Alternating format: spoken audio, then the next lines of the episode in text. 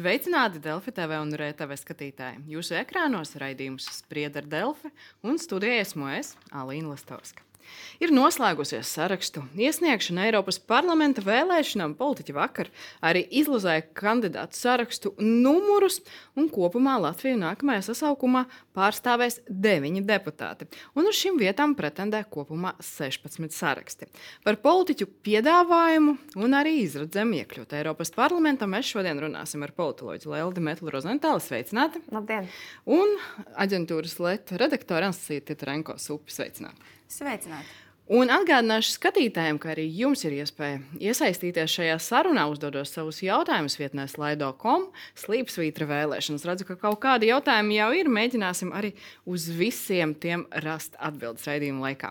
Bet tas, ar ko es gribu sākt, 16 saraksti, precīzi tikpat cik iepriekšējās Eiropas parlamenta vēlēšanās, daudz maz liela konkurence vai nu nekādas tādas lielu pārsteigumu attiecībā uz dalībnieku skaitu mums nav. Nu, faktiski tā konkurence tāda pati jau kā ierasts iepriekšējās Eiropas parlamenta vēlēšanās. Ja mēs skatāmies pat kādas trīs vēlēšanas uz atpakaļ, tad faktiski ap šo daudzumu arī ir vienmēr bijušas tās partijas. Eh, mēs redzam, ka ir pārstāvētas visas, protams, saimā, pozīcijā un opozīcijā esošās partijas.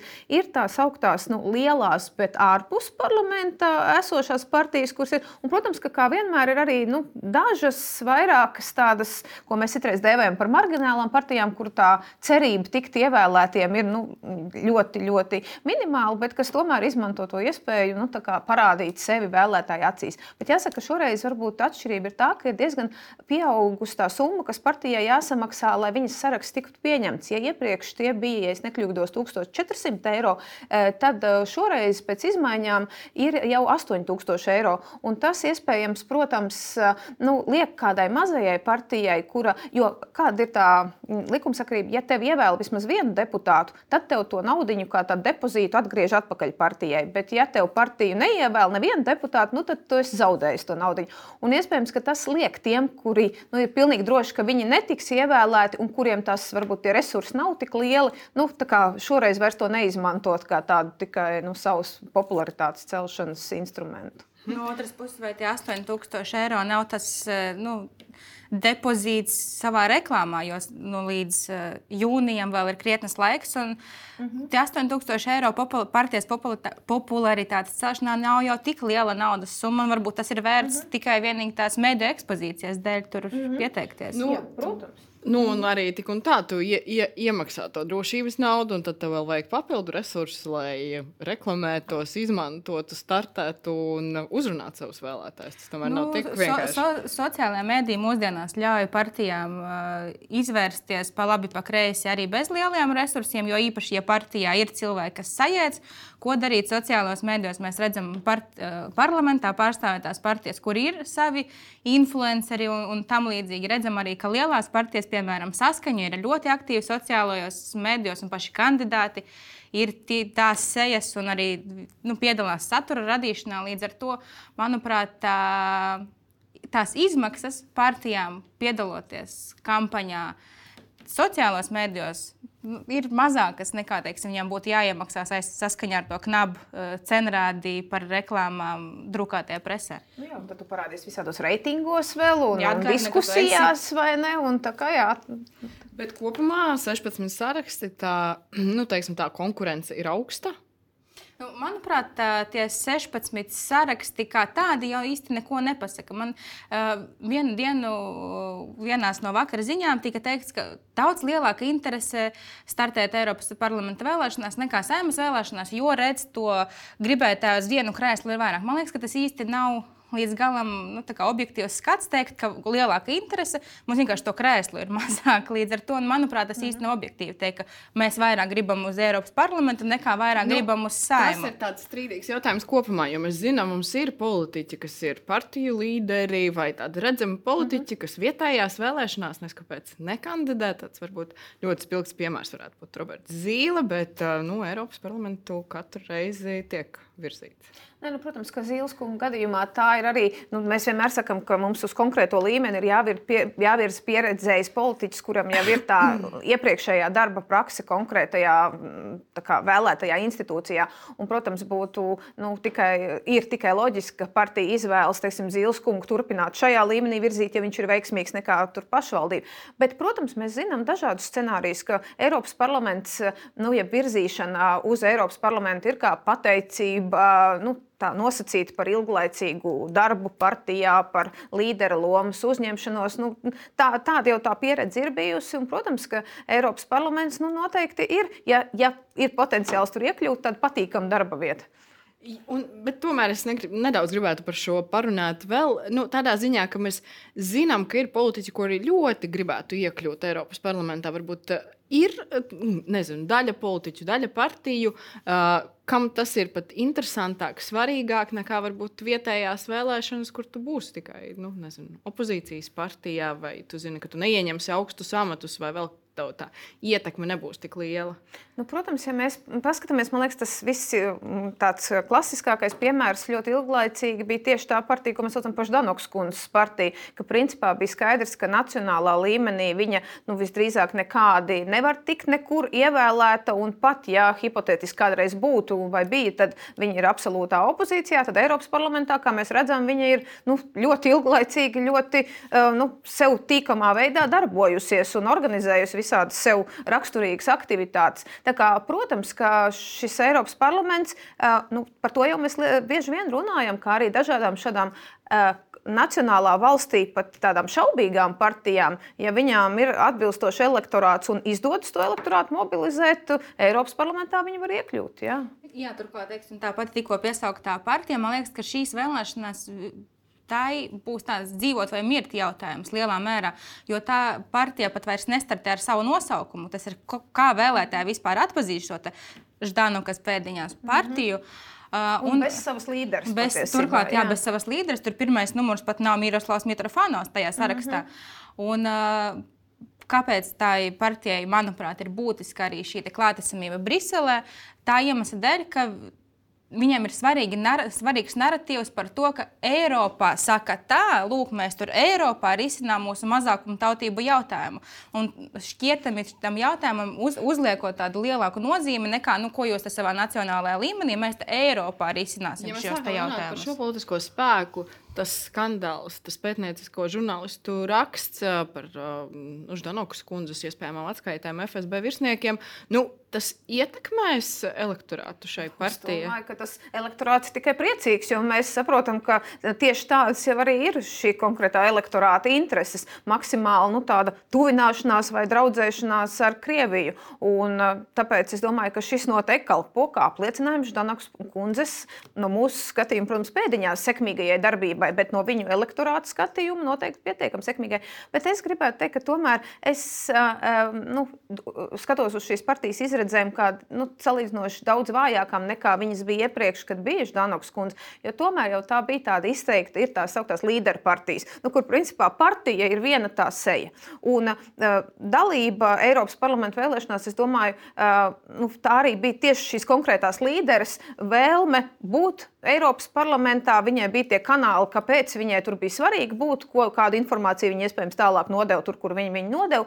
Un tas, es teiktu, bija tāds viņas lokāls, nu, zināmā mērā biznesa projekts. Es pieļauju, ka šobrīd, tad, kad viņas vairs tur nav, tad arī tā mobilizējošā faktora, kas tā ļoti to partiju un elektorātu pirms vēlēšanām motivēja, tas var mazāk strādāt. Un ko mēs varam paskatīties, ņemot vērā tos nu, citus spēkus, viņu vēstījumus? Tas elektorāts aizies drīzāk pie kāda cita vai neaizies uz vēlēšanām? Man liekas, kopumā krievvalodīgais vēlētājs, viņa motivācija un izvēle ir ārkārtīgi sarežģīts vispār objekts, ko varētu analizēt un pētīt. Jo, teiksim, pēdējās sēmas vēlēšanas, nu, mēs redzējām, ar ko viņas beidzās. Ar nu, diezgan interesantu rādītāju. Mēs zinām, ka nu, vismaz no kaut kādiem rādītājiem mēs zinām, ka daļa krievalodīgo aizgāja nevis tur pie citas krievalodīgās partijas, bet nosacīti pie latviešu valodā runājušas partijas, pie Šlesera. Un arī šeit nevar zināt, kur, tie, kur aizies šis, šis daļa krievalodīgā vēlētāja. Vai nu, viņi aizies pie Ušakova Nila, kurš ir šobrīd atklājis fronti ar citiem, vai, vai nav, nav saprotams? Nu, šī nav tikai visa krievalodīga auditorija. Mm. Noteikti nav tā kā Ždana, ka ir uh, visu krievu. Tā ir tomēr arī tāda Jā, salīdzinoša radikāla. Jā, bet saskaņai līdz ar to ir kādas lielākas izredzes. Uh, nu, Kaut kādā mērā varbūt ir, jo, es, eh, kad mēs skatāmies uz saskaņas pieteiktajiem līderiem eh, un eh, arī uz to, kā, nu, tad, kad partijai mainījās vadība, tad, kā mēs zinām, tagad viņiem ir vairāk partijas vadītāji, tad katram vadītājam nosacīta tā savu loma tika piešķirta, vai viņi paši sev piešķīra. Un tad, ja Ušako kungs vairāk ir tāds uh, demokrātiskais eiropietis, tad uh, Ločmēls kundze Regīna vairāk ir tāda, nu, tomēr tāda Krievu tradicionālā vēlētāja interešu aizsardzība aizstāvē. Nu, mēs atceramies, viņi tur par, par, par uzvaras pieminiektu cīnījās un tam līdzīgi. Un kaut kādā mērā tuvāk var būt uh, Ždanoks kundzes elektorātam. Tāpēc, protams, ja viņi šo kārti savā kampaņā uh, izspēlēs nu, ap savu personību, tad iespējams, ka kaut kādā mērā viņi šo uh, daļu var uzrunāt. Uh, tieši, es domāju, šajā gadījumā, Jā, Ločmēls kundze. Man lielā mērā ir uzskats, viedoklis par to, ka lielu kārti viņa liek tieši uz jauno seju, savā, uz otro numuru. Un man liels kauns, es pēkšņi izkrita no galvas, kā eh, Olga. Olga, laikam, sauc. Mm. Vai ne? Alīna. Ja? Jā, uz otro numuru, ko viņa, ko viņa uzliek savā sarakstā, jo tā ir aktīva sieviete, kas nāk no eh, reģiona un aizstāv tieši šīs krievalodīgo mm. intereses. Un, eh, manuprāt, Reģina Ločmele, viņa ir drusku vairāk varbūt pavarda turētāja tajā partijā. Mm -hmm. Bet, eh, bet jaunā seja, ko viņi ir piesaistījuši, viņi iet uz tiesām, viņi tieši runā par šīm mazākuma tautību mm -hmm. interesēm, bet varbūt nedara to tik toksiski, kā to dara. Uh, partija, kas tagad nestartē ar mm. savu nosaukumu vēlēšanās. Līdz ar to man ir tā sajūta, ka kārtas tiek likta tieši uz šo aktīvisti, ka mm -hmm. viņa kaut ko darīs. Un tas arī tā man liek domāt, arī tas, ko viņi dara sociālos medijos. Mm -hmm. Un kas man likās interesanti, ka ja viņi to nedarīja saimnes vēlēšanās, šobrīd viņi jau iestājas aktīvā pret. Pretnostatījumā stabilitātei. Tātad viņi laikam saprot, ka viņi dala tomēr kaut kādā mērā vienu un to pašu vēlētāju. Jo šobrīd jau tie partijas vēstījumi, uh, kandidātu vēstījumi ir, ir, ir pret vienu partiju. Kevičs ir otrajā numurā nu, ar tādu mērķi tieši piesaistīt šādu auditoriju šim sarakstam. Jā, nu, nevis tādu radikālo, eh, ļoti radikālo krievlodīgo, bet mēra bet no krievlodīgo, kuru... kuram tomēr sāp sirds par to, ka viņa kaut kādas šīs nacionāla etniskās eh, jūtas tiek aizskartas -hmm. tādā vai citādā -hmm. veidā. Ja mēs raugamies vēl uz citiem līderiem, mums ir arī jautājums no skatītāja par ideju virzīt Ukraiņas pārstāvi kā līderi vēlēšanās. Nu, cik tā ir laba ideja? Nu, tā ir tāda klasiska politiskā mārketinga nu, rīcība. Viens no elementiem, tad, kad mēs studentiem mācām politisko mārketingu, kā tas ir jātaisa, tad tas pirmais jautājums, ko tu savai klientam vaicā, vai jūs piesaistīsiet vies, viesmāksliniekus vai iztiksiet ar saviem resursiem. Un, nu, šeit tie viesmākslinieki ir piesaistīti. Man liekas, tā ir tāda, nu, protams, spēlēšanās daļēji ar vēlētāju eh, jūtām un atbalstu Ukrainai. Un, eh, nu, bet es domāju, ka gal beigās nu, mums tomēr jāsaprot, ka mēs Eiropas parlamentā pārstāvam pārstāvam Latviju un savas valsts intereses. Un, protams, ka uh, cienot un mīlot Ukrainu, uh, bet teikt, ka lūk, tad, uh, mēs ievēlam deputātu, kurš aizstāvēs Ukraiņas intereses un vistiešāk paudīs, ko vajag Ukrainai, nu, tas īsti nav pareizi pēc tās loģikas, ko mēs gribam kā valsts no Eiropas parlamenta. Mēs jau arī kā Latvija ar saviem latviešu deputātiem varam ļoti sekmīgi aizstāvēt Ukrainu. Tam nav nekāda sakara ar konkrētā deputātu nacionalitāti. Tāds. Es varu būt, man liekas, ka ļoti, tas bija ļoti ne, nu, tā īstenībā nepārāk skaisti esošajā situācijā, jo mēs uzliekam sievietei, uh, kur uh, tiek identificēta ar valsti, kas atrodas karā. Vēl nastu uz pleciem, nu, ievelciet mūs tagad Eiropas parlamentā. Nu, tas, manuprāt, galīgi nav. Nu, mērķis ir, tas politiskais mērķis ir, saprotams, bet izpildījums un kopumā cik tas ir skaisti, tas ir cits jautājums. Ja mēs runājam vēl par līderiem, nu, pirms vēlēšanu sarakstu iesniegšanas, tad intriga bija Valdis Dombrovskis vai Krišjāns Kariņš. Intriga atrisinājās, man liekas, sāka jau palikt skaidrāk, tuvāk mhm. sarakstu iesniegšanai. Nu, tas bija tāds galvenais jautājums, vai ir kādi vēl mūsu pārsteigumi, ja mēs runājam par partiju līderiem, sarakstu līderiem? Es domāju, ka Patiesībā jau par uh, jauno vienotību tur nekāda tāda šausmīga pārsteiguma nu, nebija. Es nedomāju, ka tur arī kaut kā ļoti izšķiroši uh, būtiski ir tas, kurš no viņiem ir pirmais un kurš ir uh, otrais. Jo nu, mm, es domāju, ka ir elektorāts, kuri, uh, kuri orientējas uz pirmo numuru, vairāk ir vienotības elektorāts, kuri vairāk saprot otro numuru, jeb Kariņa kungu vai Dombrovs kungu. Tāpēc es domāju, tas, tas īpašs pārsteigums nebija. Uh, es domāju, varbūt man uh, šķiet, šķita pārsteigums arī, protams, apvienotā saraksta nu, līdzīga izvēle arī paņemt cilvēku, protams, nenoliedzami Pozņaku kungu atpazīstamu, cienījamu cilvēku, kas arī rūpējas par Ukraiņas. Ukraiņas iedzīvotājiem. Bet nu, man arī drusku ir tā sajūta, ka, kā jau kolēģis pirms tam teica, ka tas arī ir tāds veids, kā mēs nu, gribam ar to vēlētāju drusku manipulēt. Spēlējam uz jūtām. Spēlējam uz jūtām, jā. Jo um, nu, man Tomēr liekas, mēs parasti pārmetam, ka uh, mums nav profesionālu deputātu daudz kur. Mēs sakām, ka pašvaldībā slikti, ja nav profesionāli, saimā slikti, ja nav profesionāli. Un es pilnīgi tam piekrītu. Un tāpēc man tomēr liktos, ka kā ikvienā profesijā, nu, tomēr arī uh, deputātu profesijā ir labi, ja ir šīs politiskās iemaņas. Un mēs parasti vienmēr sakām, ka ir labi iziet kaut kādus karjeras pakāpes, uh, nu, teiksim, nacionālā līmeņa politikā, lai pēc tam tu saproti, jo tas Eiropas parlamenta mehānisms ir sarežģīts. Tu vari tur dzīvot un neko neizdarīt, un nekas jau traks nenotiks. Bet, protams, ir labāk, ja tu zini, kā tas mehānisms darbojas, un tu jau Tad uzreiz pieslēdzies. Eiropas parlamentā tā politiskā pieredze ir vairāk no svāra nekā saimnes vēlēšanās vai pašvaldību jā, vēlēšanās. Tādā mērā, jā, jo nu, tur tiešām ir ļoti uh, grūti tā vienkārši paskatīties. Nu, divas dienas paskatos, trešajā dienā jau saprotu, kā tās lietas notiek. Uh, Un, kā es saku, nekas jau, nu, kāds tagad man uzreiz teiks, bet tur jau tādi neviens vien ir bijuši.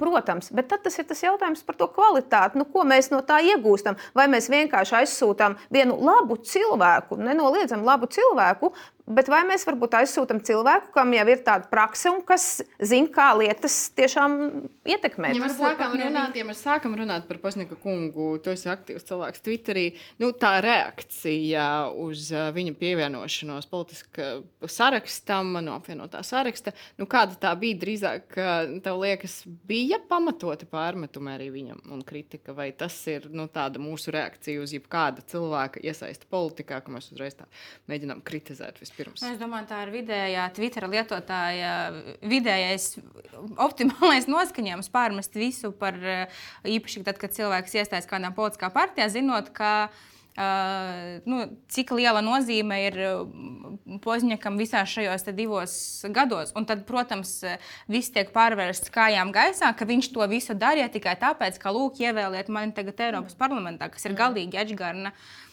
domāšana. Skaidrs, ka viņam pārmetīs. Un, kas prasīja iepriekš par kandidātiem, kas šķiet kas interesanti. Jā, pārsteiguma raisīja. Es gribu, man, man raisīja pārsteigums neesamība. Teiksim, par runājot par šo pašu apvienoto sarakstu, kāpēc tur nav smiltēns tajā sarakstā, kurš parasti ir visos sarakstos, bet kāpēc viņa šoreiz nav un kāpēc viņi visu šo lietu uzticēja tikai nu, pa lielam šim te uh, pozņakam, kur ir smiltēns. Kāpēc viņš nav sarakstā? Mēs mēģināsim atturēties no jokiem, kas arī Twitterī parādās. Ik pa laikam par Smiltāna kungu neiesim tagad tur. Bet, uh, ja mēs sākam runāt par Kariņu arī kungu, mums ir arī skatītāji jautājums, kā jums šķiet, kādas ir Kariņa kā kandidāta izredzes tikt ievēlētam vai privāto lidmašīnu skandāls nevarētu sekmēt viņa izsvītrošanu? Nu, ejot uz vēlēšanām, cilvēki to visticamāk paturēs prātā.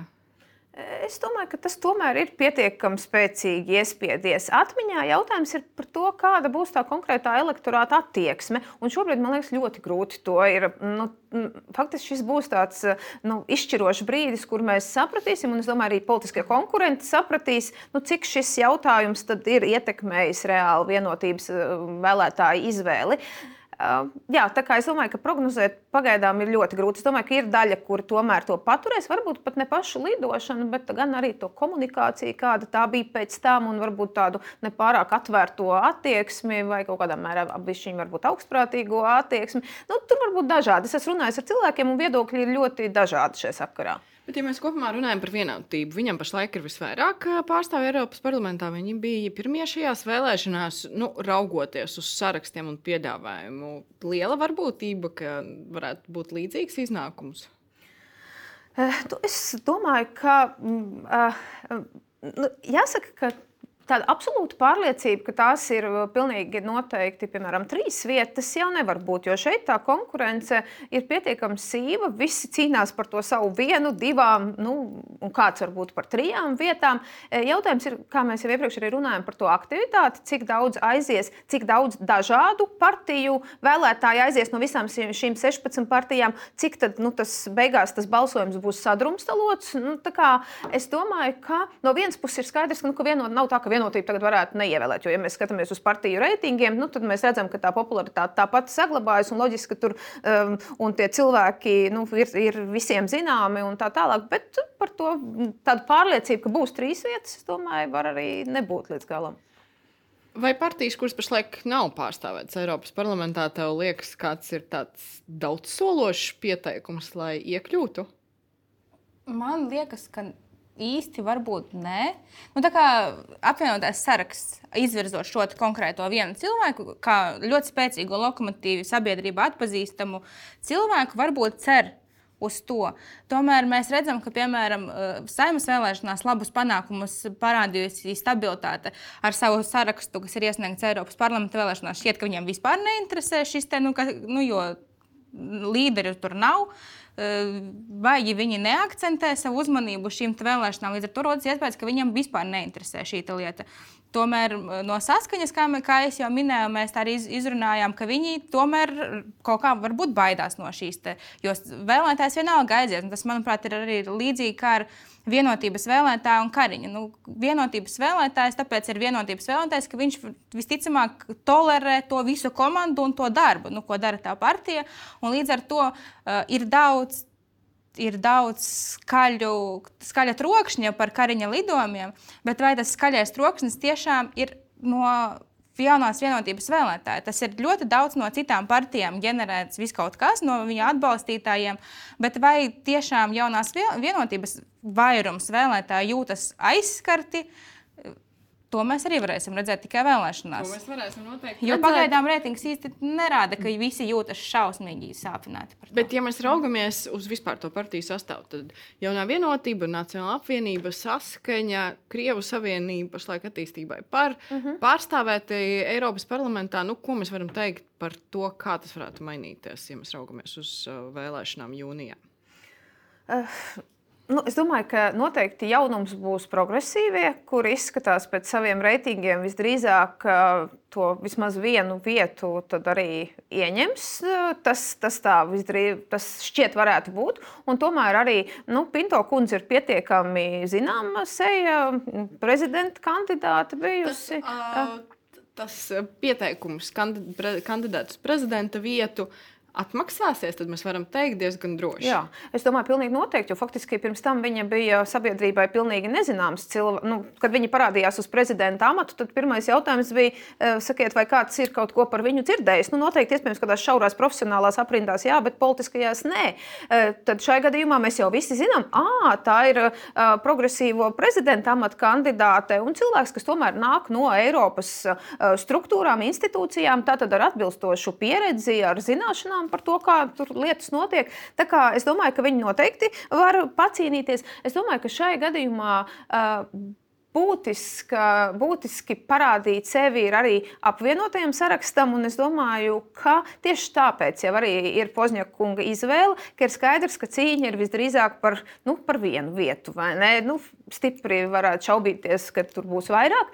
Un par to vienu vietu jau var cīnīties vislabāk nevis ar solījumiem, bet ar seju kādu. Jo nu, cilvēks, tīpaši domājot par Eiropas parlamentu, viņam ir sarežģīti. Viņš nesaprot, ko parlaments dara un vai tie solījumi, ko dod, ir atbilstoši tam, ko tur dara. Viņš viņš ir skeptisks, bet tad viņš redz vienu nu, teiksim, sev tīkamu un pozitīvas emocijas raisošu seju, un viņš domā, labi, miers ar visu, lai tur ir vai nav pieredze, viss, bet es tomēr uzskatu, ka šis ir labs cilvēks un par viņu balsoju. Tā kā es domāju, ka tieši tāpēc arī tāda izvēle no apvienotā saraksta puses, un ka viņiem ir, kāpēc tas ir nozīmīgi, jo viņiem ir tomēr jāparāda tā sava. Nu, vieta, ka labi, jūs mūs izlikāt opozīcijā, bet nu, mēs neesam uh, sanīkuši, mēs uh, neesam miruši, mēs esam spēcīgi. Uh, tā kā, tā kā viņiem pilnīgi noteikti, noteikti, ka Nacionāla apvienība savu pozīciju saglabās, par to nav šaubu, par vienotību mēs arī runājam. Jautājums ir par tām vietām, nu, cik tur, kas tur. Uh, ja Ārpus mēs skatāmies, parlamenta partijām ir vispār izredzes.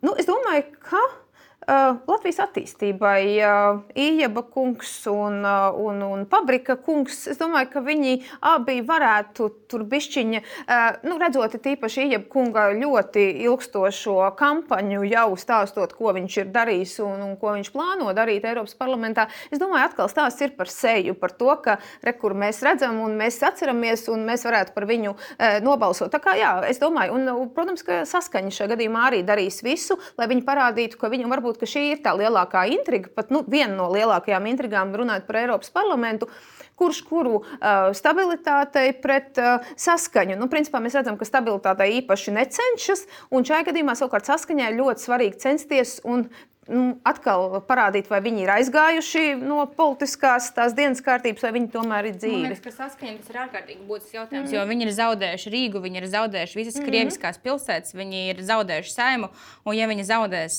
eh, savu pārstāvniecību Eiropas parlamentā, nu, tur kaisīt var trīs saujas visticamāk. Tad tu saki, ka faktiski tas ir nu, tāds, eh, varētu nozīmēt partijas beigas un nozīmes pavisam nekādas politiskajā arēnā. Tas ir tas, ko tu saki, ja viņi netiek.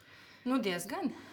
Nu, jā, nu, jā, atrat, atrašanās jebkur pie, nu, kā, pie varas, nu, nu labi, Eiropas parlaments ir nosacīts pie varas, bet tur atrašanās, tas tomēr ir kaut kāds placdarms reklāmai. Tu vari pateikt, redzi, es, es kaut ko ietekmēju procesu. Ja tu neesi nekur, nu, tad tu pamazām paliec par tādu marginālu spēku. ļoti lepojas mm. ar to, ka mums, mūsu līderis Nils Ožakovs ir budžeta komitejas, komisijas pēkšņi izskanēja, komitejas mm -hmm. va, uh, vadībām. Tad mm -hmm. var redzēt, ka viņiem ir svarīgi, ka tas cilvēks tur ir, ka viņam tas ir svarīgi tieši šī pozicionēšanās nu, jautājumā. Nu, Līdz ar to, ja viņu tur vairs nebūs, grūti nosaukt, kurš kādā komitejā vēl varētu strādāt, jo viņi, nu, kā jau tu minēji, nav nekur ievēlēti. Pat ja mēs paskatāmies uz reitingiem, uh, SKDS uh, janvāra reitingi un uh, ko publicē sabiedriskais mēdījis, mēs nu, redzam mēnesi no mēneša arī Latvija pirmajā vietā diezgan augstu reitingos. Mm -hmm. Tas te gan ir jautājums par saimnes vēlēšanām, vai tas nozīmē, ka viņam Eiropas parlamentā ir augstas izredzes? Nu, es domāju, ka mm, atkal atceramies, ka stāsts ir par deviņām vietām. Līdz ar to augstus izredzes tas jau nozīmē, ka tu dabū vienu vietu. Tā, tā jau ir jau, tā, jau pietiekami labs sasniegums priekš partijas. Uh, Es teiktu, ka tas pilnīgi noteikti nav izslēgts, jo tomēr mēs redzam diezgan lielu Latvijas sabiedrības daļu, kura um, atsaucās šīm idejām. Un, līdz ar to es domāju, ka um, ņemot vērā, ka viņi arī ir izvēlējušies Kristopanu kungu kā, kā savu līderi un vēl virkni zinām, tur, teiksim, Petrāvičs kundzi un vēl, nu, kas, kas sejas ir tās, kuras arī virza šo partijas ideju, es domāju, ka noteikti ka viņi var to savu vienu vietu arī izcīnīt. Kontekstā ar skolu tīkla reformu mēs redzējām zaļo un zemnieku nu, pēdējā brīdī mēģinājumu to reformu piebremzēt. Bija viedokļi, ka tas ir saistīts ar kritošiem reitingiem, ar to reitingu lejupislīdi vairāku mēnešu garumā. Nu, Eiropas parlamenta vēlēšanu kontekstā šādas uh, rīcības kaut ko var ietekmēt? Vietējās reformas. Protams. Nu, man liekas, ka tas, kā iz, izvērtīsies kopumā tās, tas balsu sadalījums, tur man liekas, ka tā tieša korelācija starp uh, vietējiem notikumiem un to, kā cilvēks saprot Eiropas parlamentu, ir divas dažādas lietas. Jo, piemēram, mēs redzam, uh, Latvija ir pirmā vietā augstu reitingu Latvijā, taču vai mēs varam ar lielu pārliecības sajūtu pateikt, ka viņa vēlētāji ir tie, kas iet kas sastāv tos 30 cik, mm -hmm. procentus, kas aiziet uz vēlēšanām. Jo ļoti liela varbūtība ir, ka tieši šā, piemēram, tostarp šīs partijas vēlētājs ir tas, kas uz vēlēšanām neaiziet, jo nejūt vispār svarīgumu tajā Eiropas parlamentā.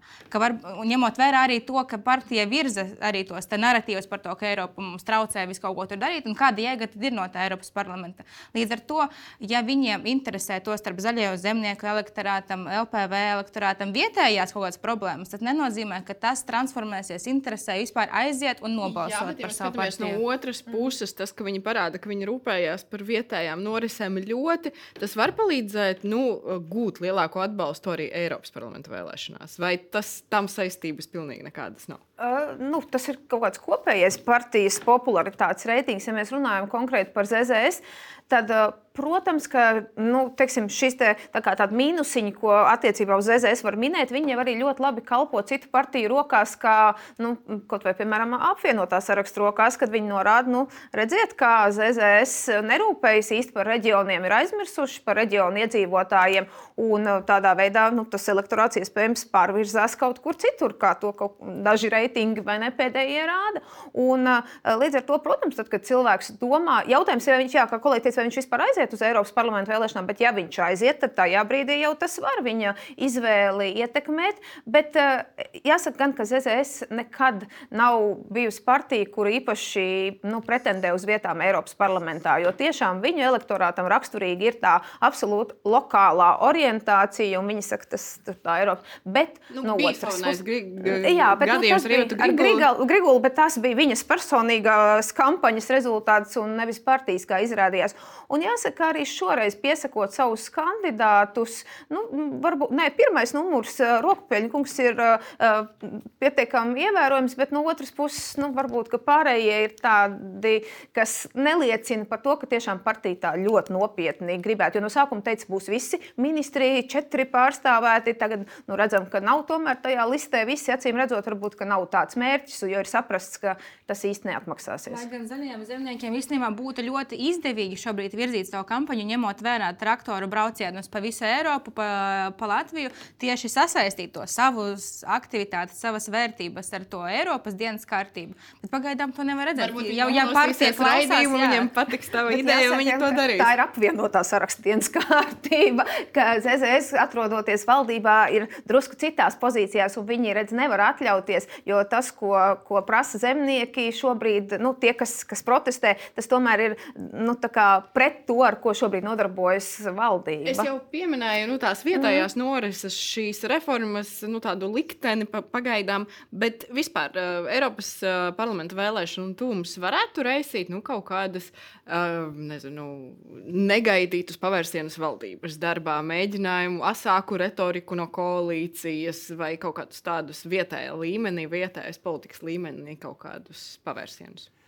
Eh, nu, tā, lai mēs runātu piemēram, par valdības krīzi, es domāju, ka nē, bet eh, par to, ka vietējie notikumi tiks izmantoti tie paši. Es domāju, ka nu, sitīs pa katru teikt, vājo punktu. Ja būs izglītībā vājais punkts vienotībai, um, apzinoties, ka vienotībai ir pietiekami labi reitingi, nu, būs mēģinājums caur to viņus kā, pazemināt, vai nu, jeb, jeb opozīcija, jebkuru iespēju pret pozīciju izmantos. Un es domāju, tieši tāpat otrādi. Nu, tā ir krāšņāka jā. debatas tik un tā varam gaidīt. Jā, es domāju, noteikti, parlamentu. kā vienmēr pirms vēlēšanām. Ja mēs runājām par to, ka bija astoņi deputāti, būs deviņi, vai tas būtiski nu, vairos mūsu ietekmi Eiropas parlamentā?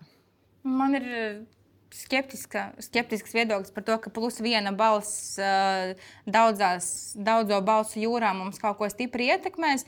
Iespējams, nu, tas uh, ja, ievēl, ievēlēt cilvēku ar labu kontaktu tīklu, kas var spēt tīkloties ar cilvēkiem, runāt. Nevis vienkārši es tagad pirmo gadu iepazīšu, kas ir vispār Eiropas parlaments. Varbūt tam vienam papildu cilvēkam ir nozīme, jo viņš ies runāt, ies darīt. No tā, jā. ko tieši ievēlēs no tā sastāvā. Jā, no, no, no konkrētajiem kandidātiem. Cik tas kandidāts ir pieredzējis, spējīgs un varošs vispār, pārst un, un vai viņš grib pārstāvēt Latvijas nacionālās intereses vai savas. Mhm. Ja mēs runājam par aktivitāti, Eiropas parlamenta vēlēšanas tradicionāli zema aktivitāte. Varam raugoties uz politiķu piedāvājumu, pieņemt, ka viņi tiešām spēs uzrunāt cilvēkus un būs varbūt vairāk cilvēku, kas aizies uz vēlēšanām šoreiz. Nu, es nedomāju, ka piedāvājums īpaši var uzrunāt, jo, kā jau teicu, īpaši runājot par Eiropas parlamentu vēlēšanām, cilvēki tam piedāvājumam līdz galam nespēja noticēt, jo viņi viņu nesaprot. Viņi liela daļa nesaprot, ko dara Eiropas parlaments, un tāpēc par to piedāvājumu ir tādi skeptiski, ka visdrīzāk varbūt tur tiek pārdots kaķis maisā, un tā nemaz nebūs kā sola. Es teiktu, ka tomēr eh, tas, kas var uzrunāt, ir, ja kampaņa tiek veidota tāda, kura mudina doties balsot. Piemēram, kad ja mēs mudinām sakot, ka tas ir, mēs taču redzējām, redzējām, cik Eiropas parlaments ir būtisks, piemēram, Ukrainas kara kontekstā, pieņemot lēmumus par palīdzību, vai eh, cik būtiski ir, ka ir partijas, kuras ir lojālas Eiropas vērtībām, kaut vai mēs skatāmies uz Ungārijas vai ne gadījumu un to, cik tur smagi iet ar Ungāriju. Šādā veidā mudinot cilvēkus saprast, ka tas, ka viņi aiziet, varētu palīdzēt, iespējams, neievēlēt partijas, eh, kuras nu, ir tās mazās un iespējams pat eh, nu, tādas netik lojālas kopējiem vai ne Eiropas konceptam konceptam.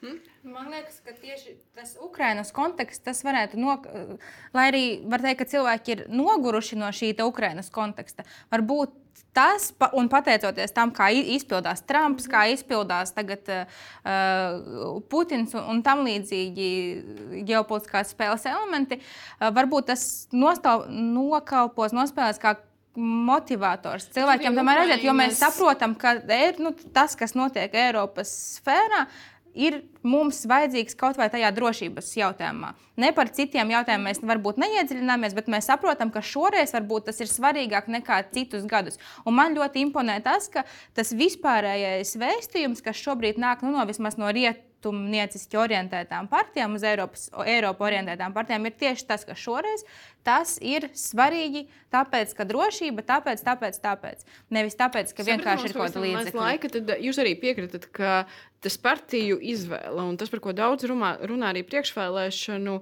savās gan programmās, gan kopumā drošība, atbalsts Ukrainai, Tas varētu palīdzēt mobilizēt vēlētājus. Jā, pilnīgi noteikti. Ja mēs tiešām vēlētājiem to tā skaidri, nu, partijas uh, pateiks, cik tas ir, jo mēs drusku sākam pierast un drusku zaudējam. Jo vislabāk mobilizē baiļu sajūta. Cilvēkos mēs redzējām pirms saimnes vēlēšanām. Tagad tā baiļu sajūta drusku jau tā kā ir mazinājusies dēļ pieraduma. Ja mēs pateiksim, ka mēs nedrīkstam beigt baidīties, ka ir jāturpina, tad iespējams, ka tas var palīdzēt nu, tādā veselīgā veidā, nevis baidot, bet uh, motivējot. Mēs šodien nepaspēsim izrunāt par programmas punktiem un aspektiem, bet noteikti turpināsim šo sarunu citā reizē. Paldies jums par šo diskusiju. Paldies jums, ka skatījāties un uz tikšanos jau rīt.